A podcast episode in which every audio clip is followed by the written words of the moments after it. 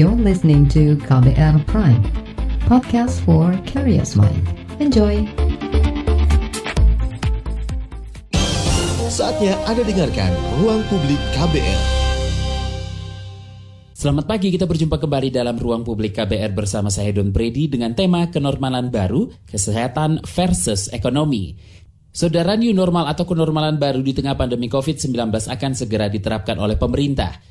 Terlebih setelah Presiden Joko Widodo mengecek kesiapan penerapan prosedur new normal di Pusat Perniagaan dan Transportasi Publik beberapa hari lalu. Langkah ini disebut untuk memulihkan produktivitas masyarakat agar perekonomian dapat kembali bergeliat setelah terpuruk di kuartal pertama dengan pertumbuhan hanya 2,97 persen.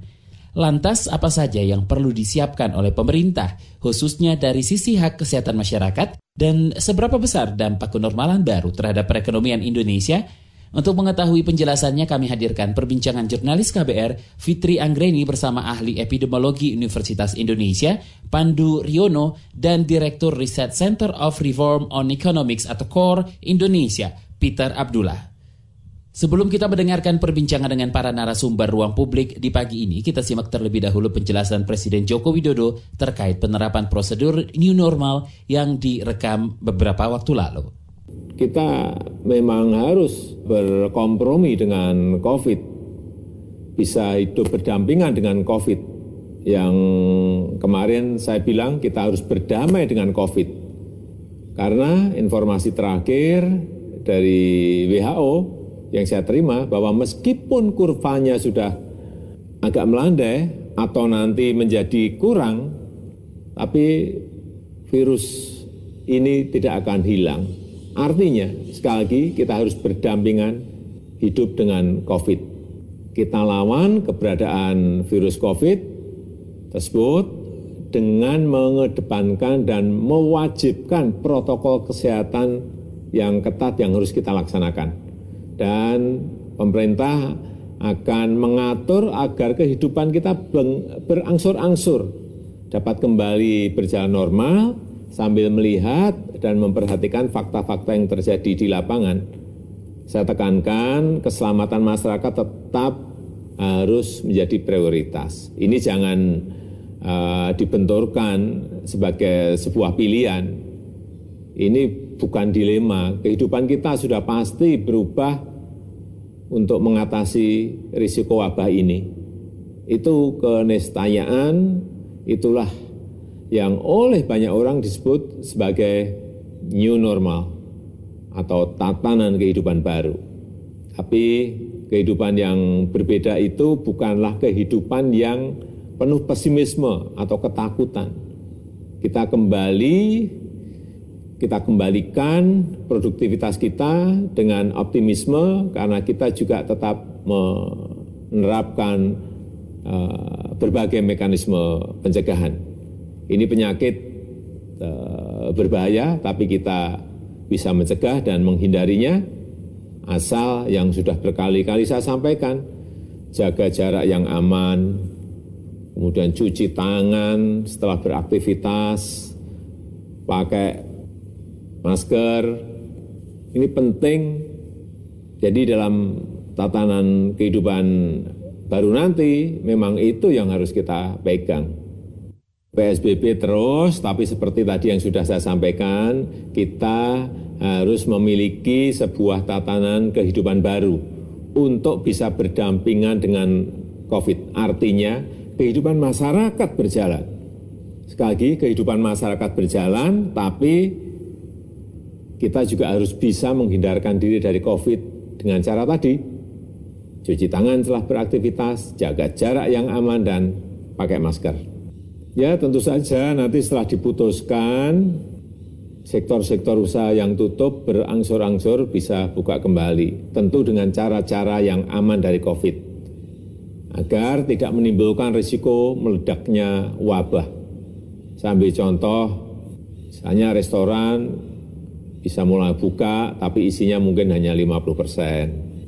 Jarak antar kursi diperlonggar, jarak antar meja diperlonggar, Ya kalau sekarang ini semuanya mengeluh. Karena pasti pendapatan asli daerah, PAD-nya menurun drastis. Dan ini yang dikeluhkan oleh daerah-daerah, ada yang menurun sampai separuh, ada yang menurun 30 persen. Ya karena aktivitas masyarakat juga anjlok sehingga retribusi tidak bisa dipungut. Sekali lagi ini relevansi dari sebuah kebijakan pasti konsekuensinya ada yaitu income PAD turun. Dan kini kita akan dengar perbincangan bersama ahli epidemiologi Universitas Indonesia Pandu Riono. Sebelum kita ke new normal atau kenormalan baru, mungkin Bapak bisa menjelaskan bagaimana uh, Bapak melihat evaluasi PSBB sejauh ini, Pak, terutama di Jabodetabek, Pak. Oke, Jabodetabek. Kalau Jakarta, uh, walaupun tidak sempurna, ya walaupun sangat tidak sempurna, tapi kira-kira 60 persen penduduk patuh dan 40 persen penduduk tidak patuh.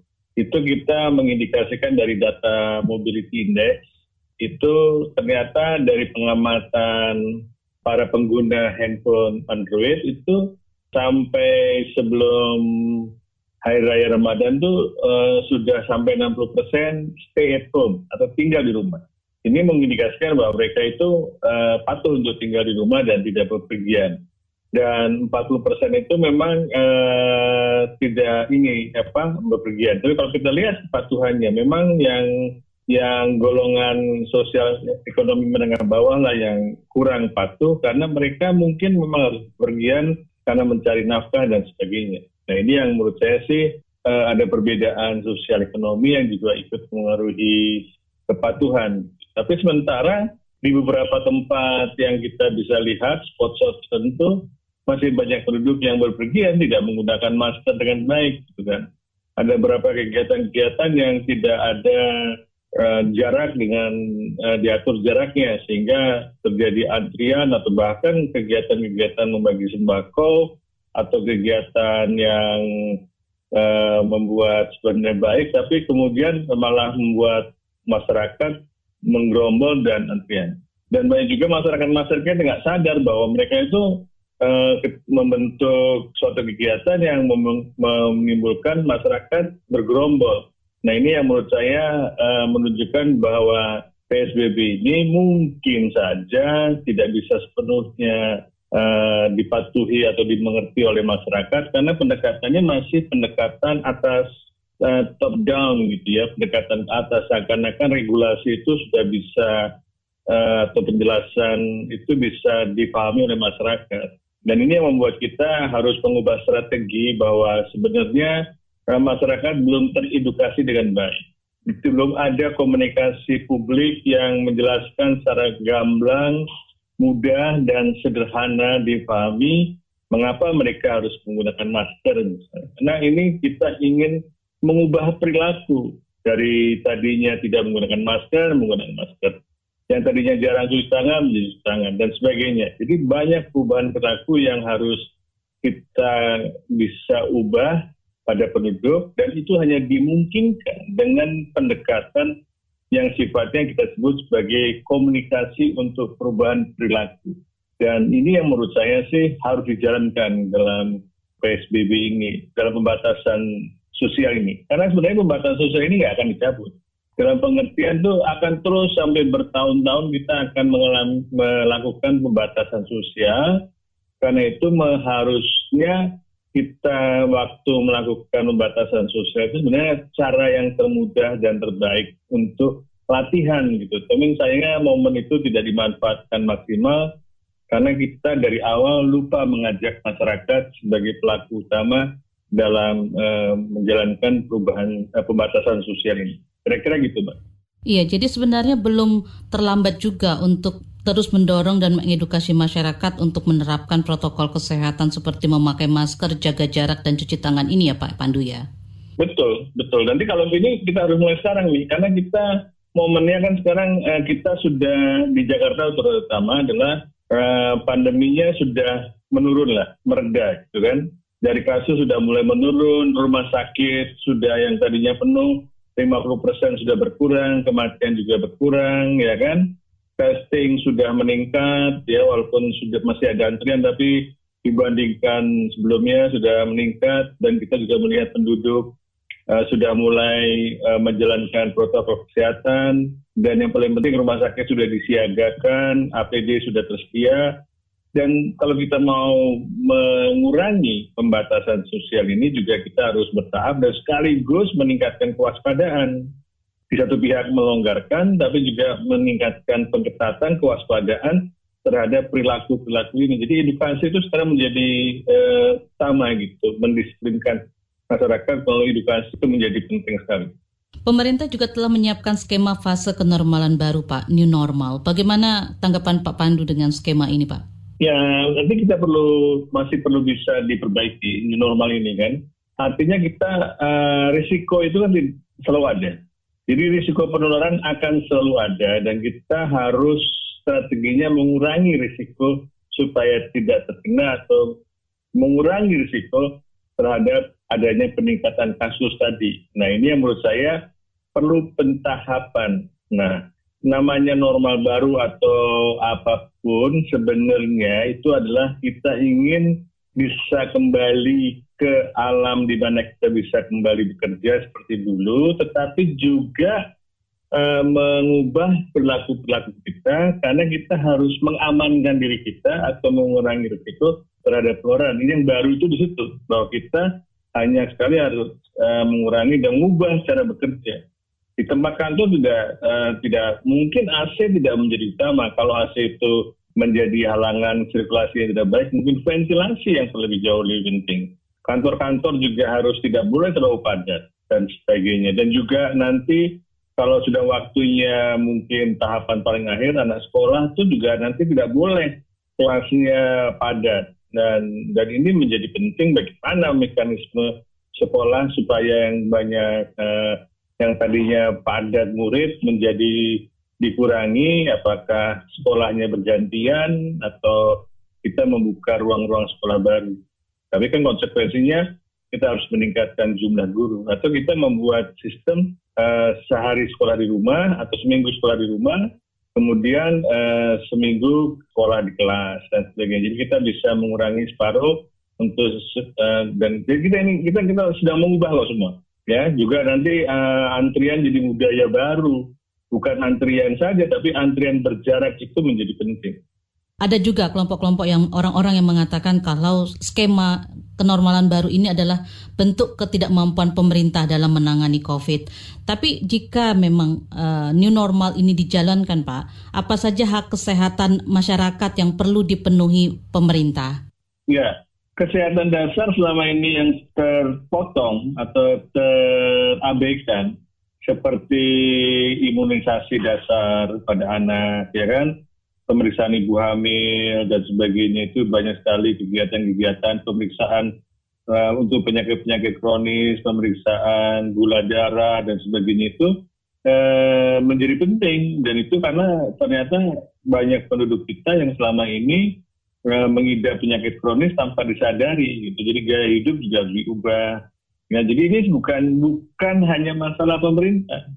Kalau pemerintah terlalu dominan itu kesalahan pemerintah. Tapi pemerintah ini seharusnya sudah membagikan, sudah sharing tanggung jawab kepada publik. Karena publik itu yang menjadi pelaku dan dia publik itu yang bisa mendorong apakah layanan ini terakses atau tidak. Sehingga Nah, dengan demikian harus membuka komunikasi. Sehingga kita harus lebih transparan dalam semua kegiatan dan dan jangan lagi ada kelompok-kelompok masyarakat yang tertinggal atau terabaikan. Nah ini mengubah juga tatanan-tatanan layanan kesehatan kita karena tatanan kesehatan kita selama ini eh, belum terbuka aksesnya dan belum eh, ada inequity dalam masalah akses dan juga layanan kesehatan lainnya. Yang ini menurut saya uh, harus ada reformasi dalam layanan kesehatan karena benar-benar uh, universal health coverage, cakupan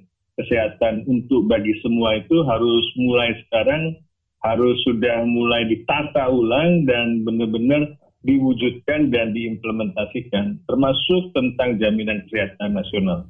Jadi eh, sebenarnya kalau dari sisi kesehatan Pak, apa saja tahap-tahap yang perlu dipersiapkan untuk bisa menuju ke new normal ini menurut Pak Pandu?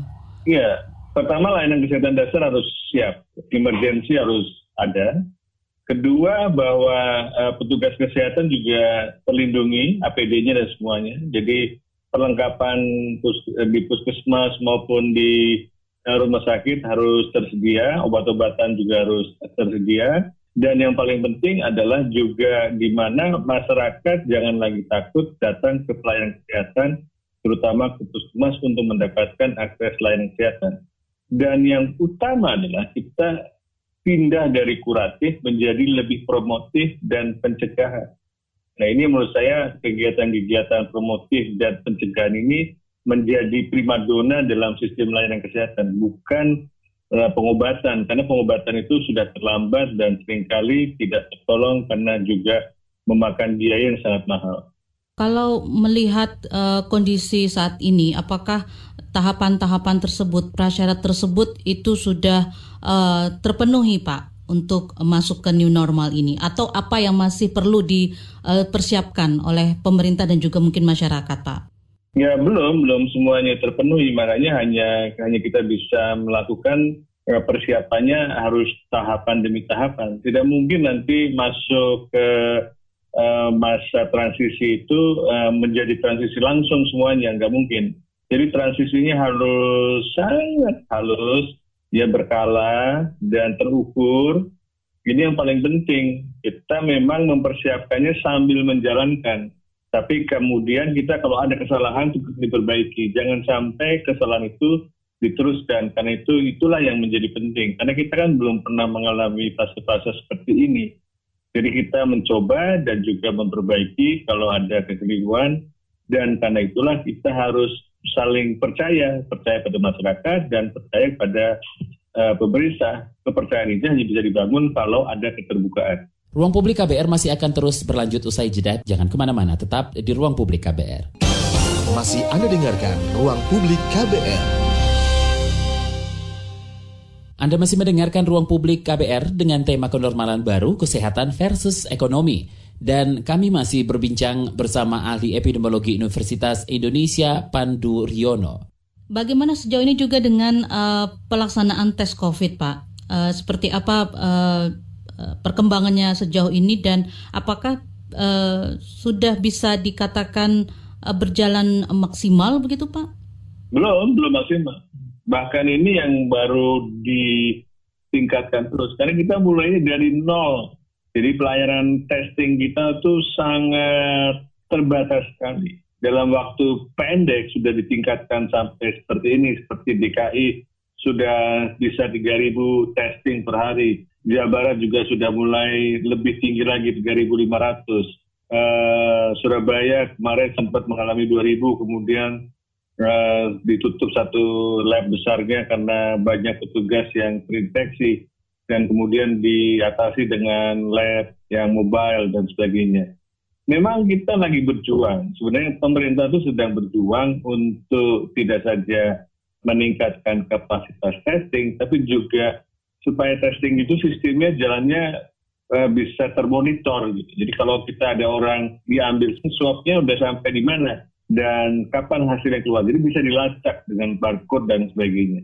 Jadi sistemnya itu yang harus dibangun karena selama ini belum ada sistem yang bisa memantau bagaimana testing itu apakah hasilnya keluar dan sebagainya. Jadi uh, harus dipangkas banyak hal dan diubah cara kerjanya sehingga karena dalam masa-masa normal nanti testing itu sangat harus lebih lebih tinggi kegiatannya dibandingkan masa sekarang. Kalau sekarang hanya 3.000, mungkin nanti dalam masa tes uh, uh, normal itu harus sampai 5.000 atau lebih. Karena kita harus mendeteksi banyak orang supaya kita bisa mencegah penularan. Karena kalau sudah emang positif, kita harapkan dia diisolasi atau melakukan isolasi sendiri supaya jangan ada penularan pada pada pada orang-orang lain dan dia menghindari juga supaya kalau sakit bisa langsung um, mendapat pelayanan yang terbaik. Hmm. Tapi apakah um, upaya untuk mendorong menuju katakanlah 5.000 tadi itu sudah uh, terus dilakukan, Pak? Dulu anda anggapan kalau sudah meredam kita nggak perlu testing banyak. Anggapan itu salah ternyata bahwa eh, walaupun kita sudah mereda kasusnya menurun bahkan kita harus lebih meningkatkan testing Kenapa? Karena masih banyak di luar yang belum kita bisa deteksi. Yang kita deteksi adalah orang-orang yang bergejala. Padahal sebagian besar orang yang sudah terdeteksi itu tidak bergejala. Karena itulah eh, harus ada kata-kata apakah mungkin itu harus jangan gitu, harus dimungkinkan dan harus terjadi. Uh, pemerintah menyatakan akan membuka sejumlah fasilitas umum, Pak, termasuk mall. Sebenarnya, kalau menurut Bapak, apa saja sektor yang boleh dibuka dan sebaiknya dilarang untuk dibuka dalam fase new normal ini, Pak? Uh, new normal kan fasenya kan uh, panjang, ya kan, bukan hanya seminggu atau dua minggu atau berapa bulan. Gitu. Dan mungkin yang paling akhir nanti dibuka hanya sekolah gitu. Terakhir sekolah karena sekolah itu yang paling pelik gitu, yang paling di mana kita banyak mengalami keterbatasan. Kemudian tahap pertama itu kegiatan kegiatan-kegiatan yang bukan untuk pelayanan publik, misalnya orang yang bekerja di kantor dan sebagainya. Itu mungkin sudah mulai. Beberapa pabrik yang sudah siap, silakan gitu kan, uh, berapa manufacturer. Tapi kan itu harus tidak harus kemudian misalnya tanggal Eh, uh, 20 Juni bisa dibuka, kemudian pada tanggal itu semuanya dibuka gitu. Enggak, enggak bisa. Karena uh, dicek dulu apakah kesiapannya sudah bisa belum. Harus dicek and recheck. Apakah suasana kantornya sudah terjamin belum? Apakah uh, mereka sudah siap belum? Kalau mereka melanggar aturan itu harusnya bisa ditindak. Karena itu kan uh, gampang ditindak. Karena itu berkantoran atau gedung dan sebagainya. Termasuk mall gitu kan mungkin tidak semua mall siap untuk dibuka karena kan mungkin karyawan yang bekerja di mall sekarang nggak ada mungkin sudah masih di kampung gitu kan kemudian juga uh, kita harus bukan berarti kalau diizinkan itu akan serta merta semuanya dibuka tidak tetapi menunggu kesiapan apakah bisa apakah nanti bisa uh, petugas-petugasnya di mall itu sudah dilatih untuk masalah protokol-protokol kesehatan itu kan butuh waktu, ya kan? Termasuk rumah ibadah. Rumah ibadah juga sudah mulai dibuka, maksudnya boleh ada kegiatan ibadah, tapi mungkin pertama mungkin tidak boleh banyak, jemaahnya mungkin hanya 10. Kemudian nanti kalau sudah diamati dua minggu mendatang tidak ada apa-apa, ditingkatkan 50. Mungkin kegiatan yang besar seperti tablik akbar masih dilarang gitu. Jadi uh, jadi kegiatan-kegiatan keagamaan gereja atau uh, masjid dan sebagainya itu kegiatan dakwah itu mungkin masih dibatasi dalam jumlah orang yang boleh menghadiri dan sebagainya. Dan protokol kesehatannya harus diterapkan karena kan sebagian penularan itu kebanyakan pada waktu awal-awal itu pada ritual agama ya kegiatan-kegiatan yang berbasis agama. Dan meeting-meeting juga mungkin harus tidak diizinkan dulu. Jadi Eh, rapat-rapat besar, kongres atau apa uh, mungkin uh, tidak diizinkan dulu sampai nanti betul-betul uh, sudah benar-benar tergolong risikonya rendah. Jadi sebenarnya salah satu fokusnya adalah meningkatkan secara perlahan jumlah orang-orang yang uh, bisa berkumpul, betul, begitu ya Pak ya? betul. Dan dan perlu dicek juga waktu berkumpul itu apakah semuanya menggunakan masker nggak? Apakah tempat berkumpulnya ada tempat-tempat sarana cuci tangan nggak atau waktu masuk gedung apakah dicek nggak suhunya dan sebagainya. Pemerintah sebelumnya juga sempat menyatakan bahwa masyarakat di atas usia 45 tahun diberi kelonggaran beraktivitas dibandingkan dengan usia yang berada di atasnya, Pak. Itu kan uh, berdasarkan data rumah sakit. Jadi di rumah sakit itu orang yang dirawat dengan COVID yang di atas 45 tahun itu angka kematiannya tinggi ya kan itu kan angka kematian kalau mereka yang sudah dirawat. Sedangkan konsep kasus yang bekerja lain lagi. Konsep kerja kan konsep penularan. Jadi bahkan malah berbahaya. Kenapa? Karena di bawah 45 tahun tuh sebagian besar yang terdeteksi tidak muncul gejalanya atau gejalanya sangat ringan. Tapi mereka menjadi penular, bahkan penular utama. Nah, karena tidak sadar bahwa mereka itu sebenarnya sudah membawa virus. Jadi konsep berdasarkan umum, uh, berdasarkan umur itu tidak tidak valid secara scientifically karena uh, berbeda datanya dan berbeda tujuannya. Jadi itu harus dihindari. Jadi yang paling penting adalah yang diizinkan bukan berdasarkan umur, tapi berdasarkan jenis pekerjaan yang sangat rendah risikonya. Itu juga kalau bekerja di pabrik misalnya atau bekerja di kantor, ya usia eh, 50 kalau memang di kantor kan tidak melayani publik kan, jadi lebih dari risikonya selama kantor itu juga menerapkan protokol-protokol kesehatan. Apa hal-hal yang perlu ditegaskan kepada pemerintah dan juga mungkin masyarakat sebelum Ya, menerapkan new normal ini, adalah Pak? itu tergantung kita semua.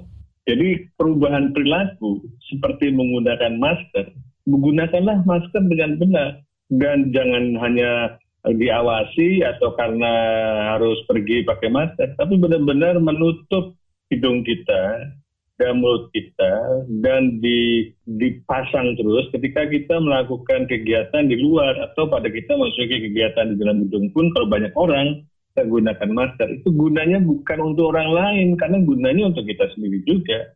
Ya jangan sampai itu menjadi hanya eh, kita menggunakan karena terpaksa. Ya, itu yang satu. Kedua adalah pada pemerintah. Sekarang kita harus mengubah strategi kita harus lebih menyerahkan tanggung jawab ini ke masyarakat biar masyarakat yang mendorong di lingkungan kerjanya di lingkungan tempat tinggalnya untuk melakukan praktek-praktek yang sesuai dengan pengurangan risiko tadi. Ini yang paling penting. Karena kita ini hidup dalam masa risiko. Bukan risikonya tidak nol, tapi selalu ada. Memang risikonya rendah. Walaupun risikonya rendah, kita harus tetap menerapkan ini karena bisa menjadi tinggi kalau ada yang tidak melakukan misalnya ada satu ada 10 orang aja dari eh, 50 orang yang kumpul eh, tidak pakai masker, maka dia bisa menjadi sumber penularan yang lainnya.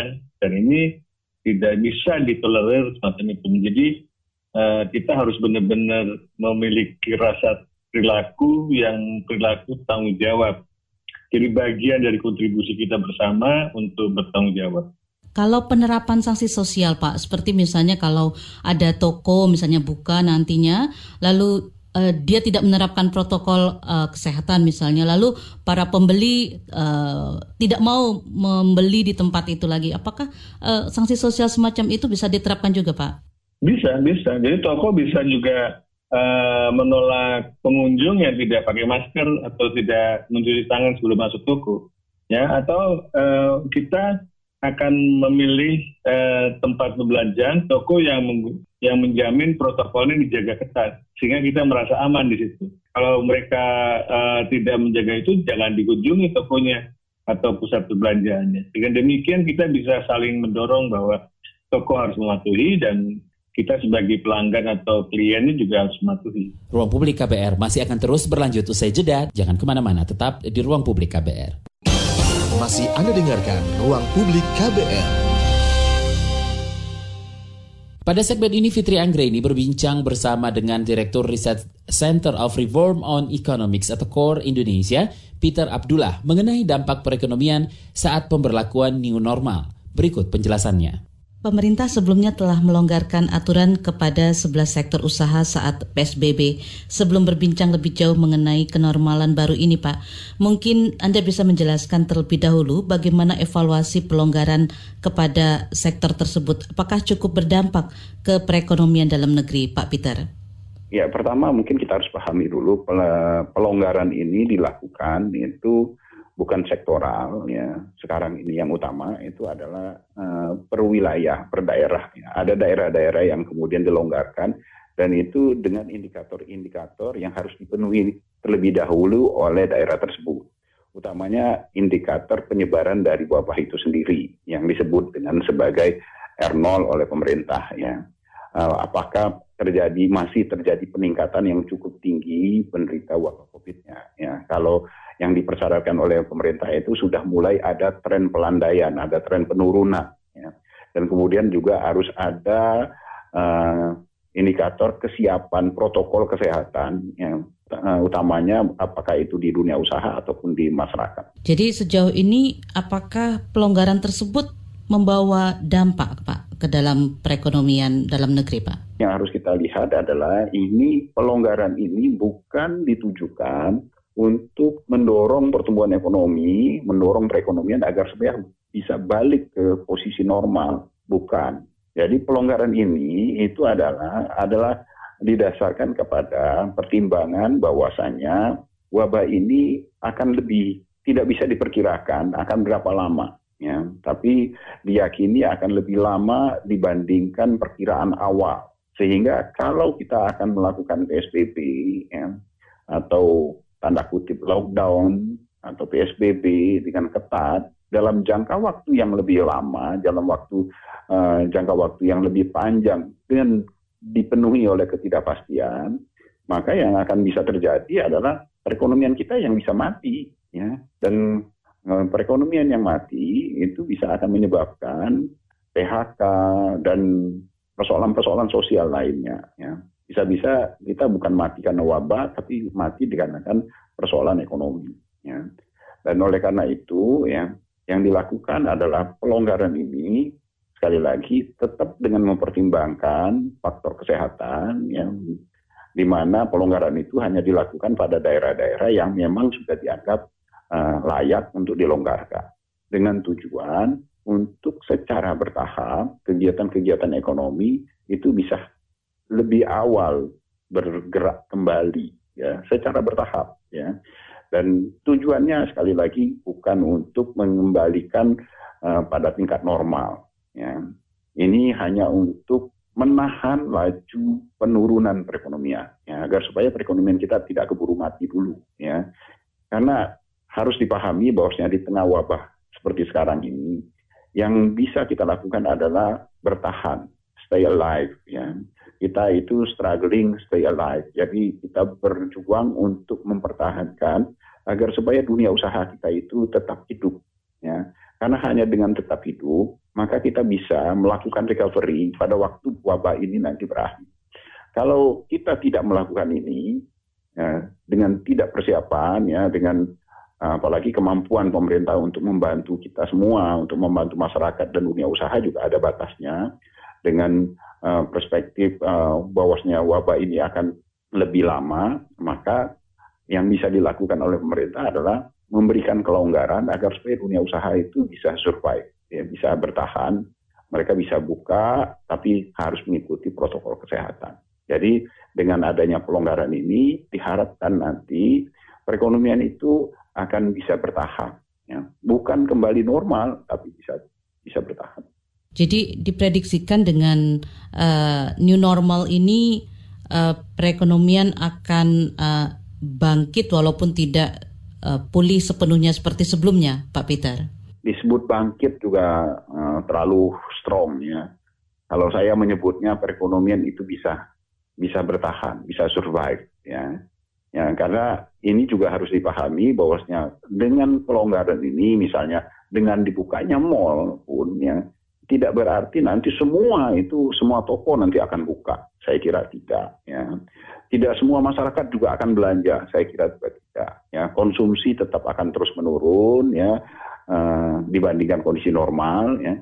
Kemudian toko-toko yang dibuka masih akan sangat terbatas ya karena di tengah wabah seperti ini saya kira kita semua eh, sepakat ya tidak bisa kita bisa membayangkan bahwasanya di tengah uh, kondisi wabah ini ada yang pengen beli baju baru, kemudian pengen rekreasi, pengen beli emas permata berlian, ya pengen beli uh, tas-tas baru ya kan enggak ya. Jadi barang-barang yang akan dibeli lebih kepada barang-barang uh, primer, barang-barang kebutuhan pokok ya kita masih uh, masih akan meninggalkan barang-barang yang secondary ya barang-barang mewah itu tidak akan menjadi pilihan kita untuk kita beli pada masa wabah seperti saat ini.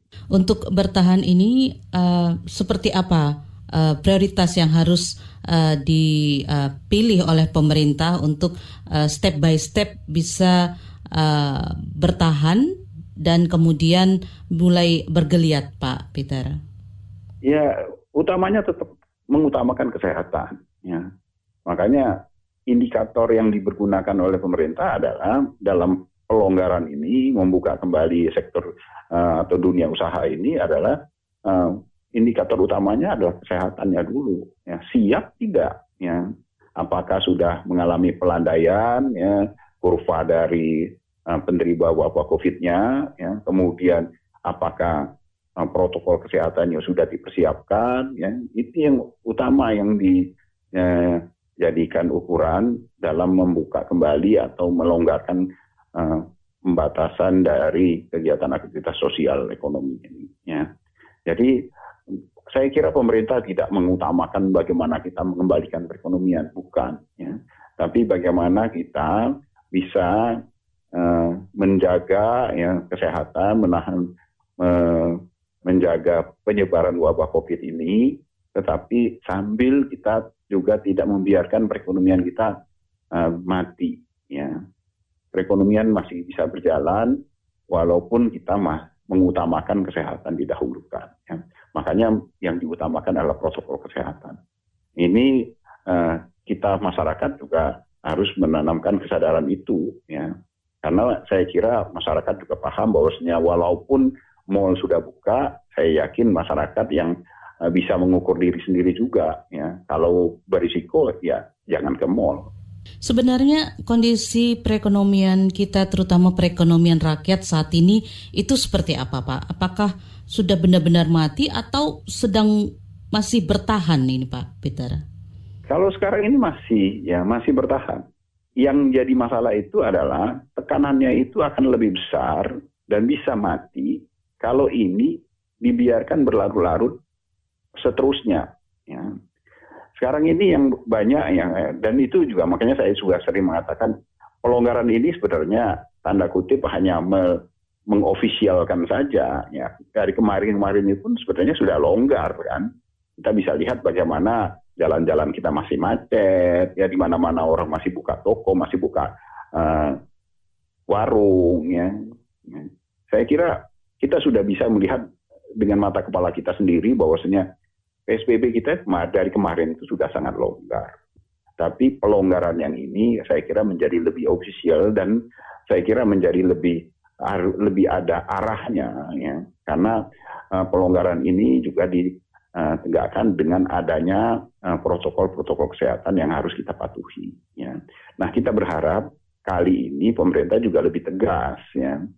Uh, masyarakat juga lebih punya kontrol sosial uh, di periode yang ke depan ini ya pada waktu kita men, menerapkan new normal ini atau melonggarkan uh, aktivitas sosial ekonomi kita ini. Ya. Kalau kemarin kan PSBB tapi kita tidak disiplin, kita tidak uh, patuh. Nah sekarang ke depan ya setelah dilonggarkan ya mari kita patuh ya karena kesehatan untuk kita sendiri ya. Dan kita melakukan kontrol sosial. Selama ini kontrol sosial ini yang menurut saya kurang ya. Jadi misal ya, saya maksudkan kontrol sosial ini, kalau kita belanja ke satu tempat, ya, kalau tok, tempat itu, toko itu, warung itu uh, tidak menerapkan protokol kesehatan, ya kita harus memberikan punishment kepada tempat itu, kepada toko itu, yaitu kita tidak belanja di situ.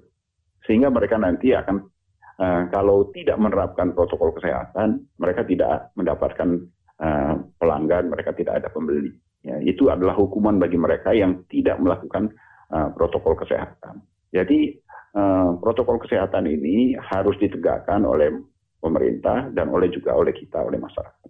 Jadi ketika kontrol pribadi dan juga kontrol pemerintah masih kurang, kontrol sosial ya Pak ya yang kita pergunakan untuk menekan laju penyebaran ini ya Pak ya dengan memberikan punishment kepada sektor-sektor ekonomi atau toko-toko yang tidak mau menerapkan protokol kesehatan begitu ya Pak Peter ya. Saya kira begitu. Hanya hanya dengan seperti itu kita bisa menegakkan kedisiplinan, menegakkan protokol kesehatan, sehingga dengan protokol kesehatan itu kita bisa mengurangi uh, penyebaran dari wabah COVID ini.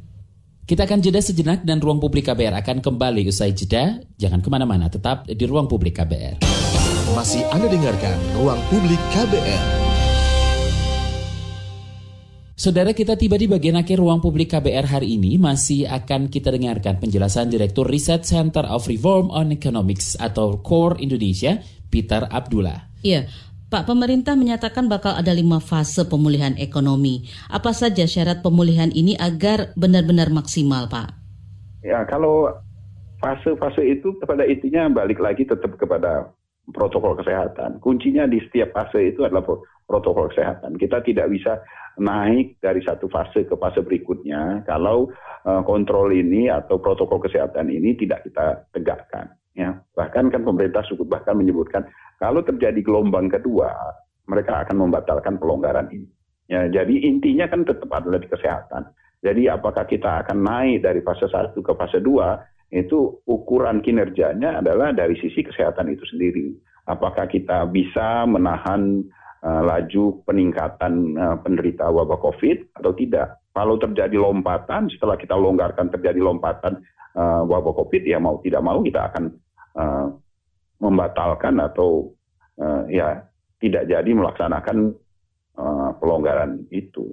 Apa ini juga menjadi tantangan pemerintah Pak dalam memulihkan ekonomi di fase new normal ini Pak? Salah satunya soal kedisiplinan masyarakat. Apa ada faktor lain Pak ya, yang menjadi tantangan? Ya sekali lagi sebenarnya tantangan pemerintah itu satu-satunya tantangan pemerintah itu adalah wabah COVID.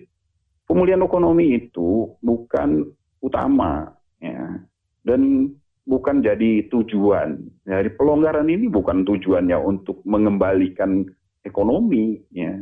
Karena itu tidak mungkin pengembalian ekonomi itu di tengah wabah itu tidak mungkin terjadi. Penurunan ekonomi, ya, penurunan konsumsi, penurunan ekonomi di ketika wabah itu masih berlangsung itu adalah sebuah, sebuah keniscayaan pasti terjadi. Ya. Nah dan itu saya kira disadari sekali oleh pemerintah. Tapi kalau kita tidak lakukan pelonggaran, ya, ya simpelnya begini aja. Toko ya toko sebuah toko sebuah aktivitas ekonomi pabrik bisa saja dia uh, kalau dia tidak dilakukan pelonggaran ya, dalam jangka waktu yang panjang ya dia akan mati. Tapi kalau dia dilonggarkan bukan berarti dia akan balik lagi seperti normal bukan. Tapi setidak-tidaknya dia bisa bertahan ya nah jadi tujuannya bukan untuk mendorong pertumbuhan ekonomi, mendorong perekonomian kembali normal, tapi memberikan kesempatan kepada para pemilik usaha, dunia usaha, itu untuk bisa bertahan. Sekedar untuk bertahan. Bukan untuk mendapatkan tambahan keuntungan, ya, bukan. Ya, tapi sekedar untuk bertahan. Ketika kita bicara soal bertahan ini Pak Peter, apakah ada rentang waktunya? Ya, ini kita bicara tentang rentang waktu ya. Justru kalau seandainya hanya waktunya tiga bulan kita tahu persis bahwasanya wabah ini hanya tiga bulan saya termasuk uh, yang akan menentang pemerintah untuk melakukan pelonggaran. Karena cuma tiga bulan ya. Tiga bulan itu udah pemerintah keluarkan eh, APBN keluarkan uh, anggaran yang besar bantu ya. Kasih semua likuiditas untuk mereka bertahan bisa tapi ini kita masalahnya kita dihadapkan pada kondisi yang tidak pasti. Berapa bulan kita tidak tahu. Apakah ini sampai akhir tahun? Apakah sampai pertengahan tahun depan, awal tahun depan atau pertengahan tahun depan kita tidak tidak tahu.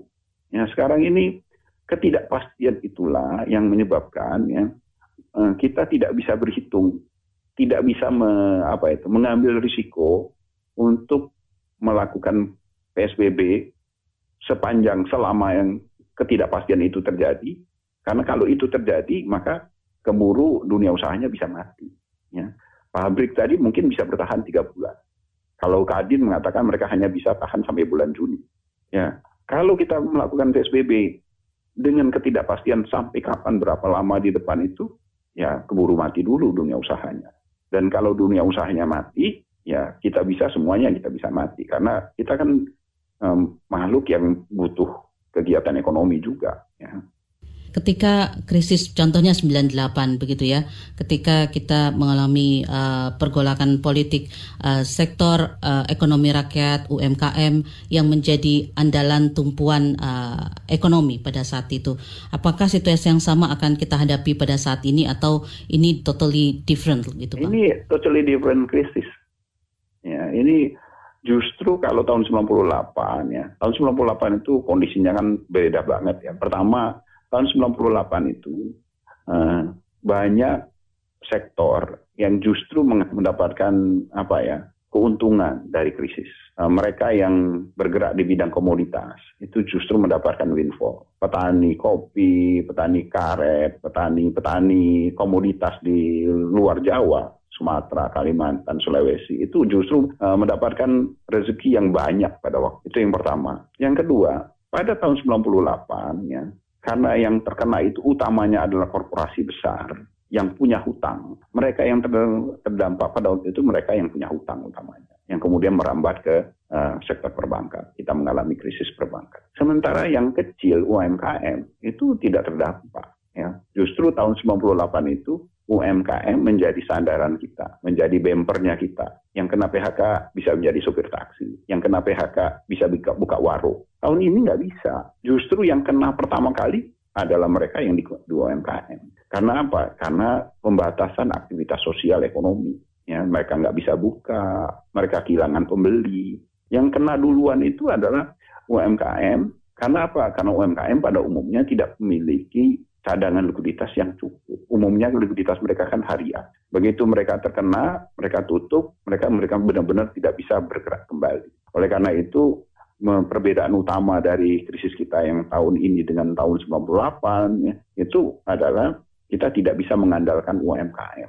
Justru UMKM yang harus lebih dahulu dibantu sekarang. Iya, jadi ketika uh, kenormalan baru ini dilakukan, maka kelompok pertama yang bisa merasakan uh, dampaknya itu adalah kelompok ekonomi kecil dan UMKM, begitu ya Pak ya? Saya kira begitu. Yang akan lebih terbantu adalah uh, kelompok UMKM, ya karena dengan pelonggaran ini uh, kelompok UMKM bisa membuka kembali uh, usahanya, toko-toko bisa buka, restoran-restoran bisa buka, ya dan Uh, dengan demikian mereka bisa survive. Demikian ruang publik KBR dengan tema kenormalan baru kesehatan versus ekonomi. Dan bagi Anda yang tidak sempat mendengarkan syarat ini secara utuh, bisa mendengarkannya kembali di podcast kbrprime.id, lalu pilih ruang publik. Terima kasih untuk kebersamaan Anda. Saya Don Brady, undur diri. Salam. Baru saja Anda dengarkan Ruang Publik KBR. KBR Prime, cara asik mendengar berita. KBR Prime podcast for curious mind.